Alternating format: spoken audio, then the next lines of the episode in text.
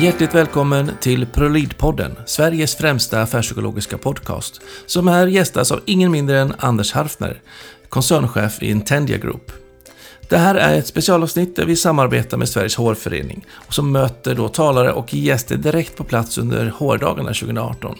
Och som vanligt så är det jag, som är Jan Blomström, affärspsykolog vid Prolid Ledarstöd som möter drivna ledare och HR-experter som jag är lite extra nyfiken på. Men här har jag också fått förstärkning vid min sida i form av 2018 års Magnus Söderström-stipendiat Rikard Mårtensson som är medgrundare och seniorkonsult vid Human Heart HR. Nu kör vi!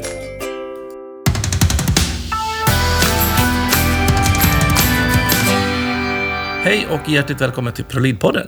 Tack så mycket. Säger jag då till Anders Harfner. Och till och med Varvner. Varmner. Varvner. Mm. Varmner till och med. Ja, ja.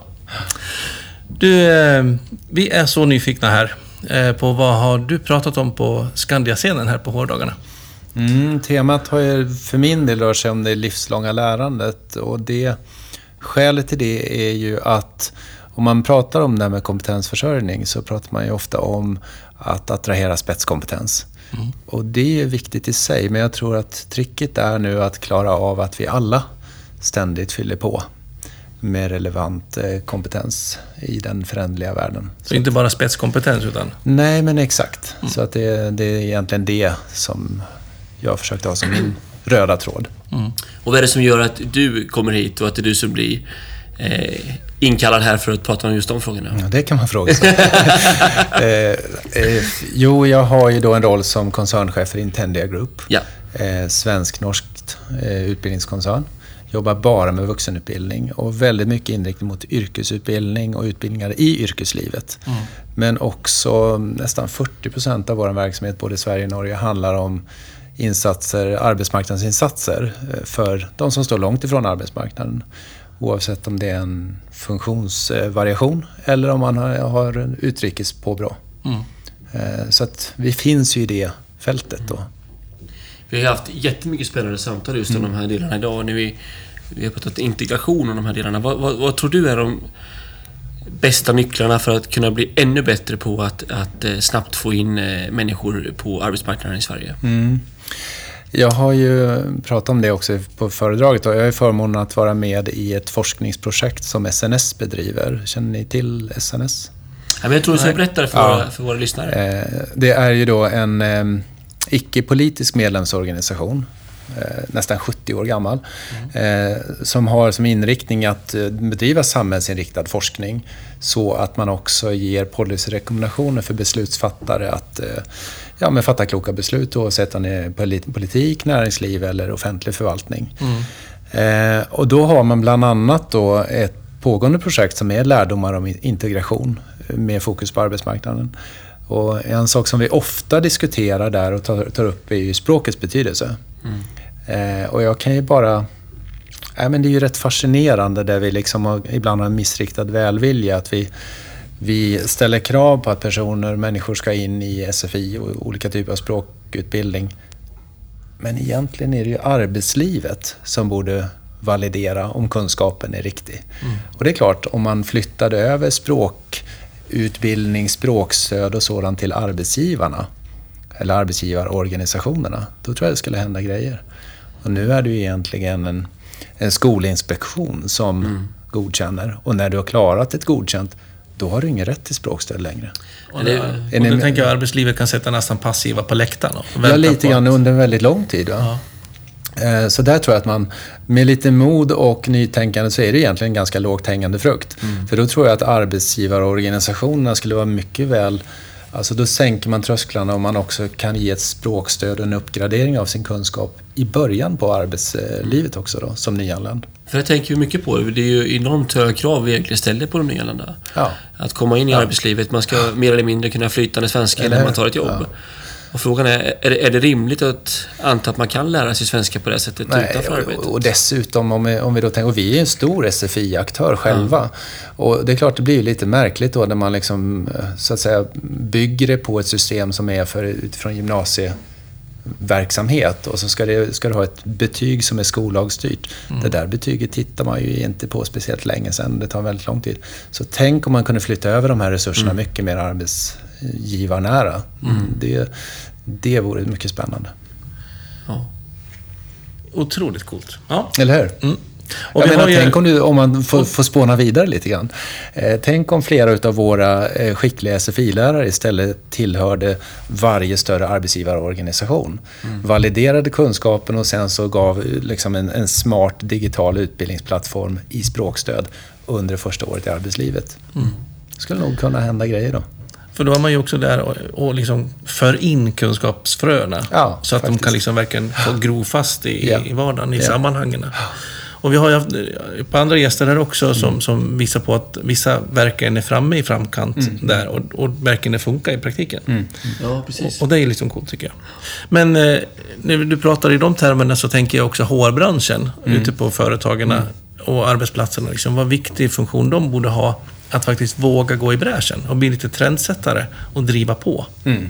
Ja men absolut. Och, och det är ju tilltalande med att HR så att säga flyttar fram sina positioner och, och blir en, en affärskritisk partner. Eh, Jag tror att det är helt avgörande. Eh, Men det är klart, även där är ju en del saker som man kan fundera på i den här snabba förändringen. Att hinner vi göra alltså kompetensutvecklingsprogram, ni vet de här årshjulen med medarbetarsamtal och medarbetarmätningar och allt det Hinner vi med det idag? Eh, när hjulen snurrar så snabbt. Kanske behöver vara ännu mer actionorienterade. Och kanske man behöver jobba med medarbetarsamtalen på ett annat sätt. Eller hur? Ja. Mm. Så att inte det blir en stort ok som ska mejslas runt. ja. Utan Så- få in det i vardagen istället. Det tycker jag, men de, de liksom drivna kunder som jag har ibland, som verkligen jobbar med det där lite mer tillspetsat, de, de har ju liksom det en gång i kvartalet eller någonting. Ja. Eller kanske ännu oftare. För att det hela tiden har dialogen gående med sin personal. Var står vi? Vart ska vi? Och vad behöver vi stärka på oss?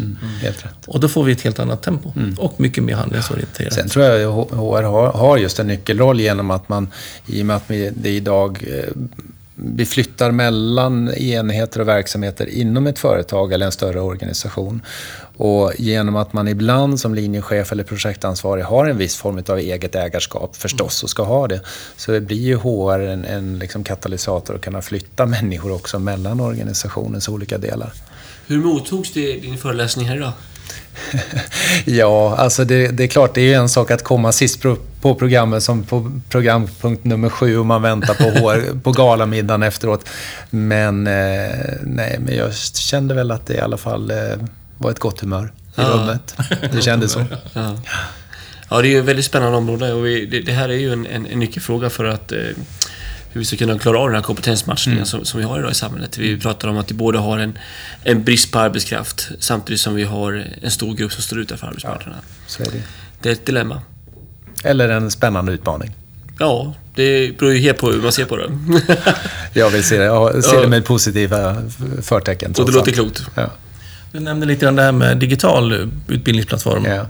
Och, och liksom digitala utbildningar och webbutbildningar och sånt där. Hur, hur ser du på det i förhållande till ditt, din erfarenhet? Nej, som fullständigt avgörande och självklart faktiskt.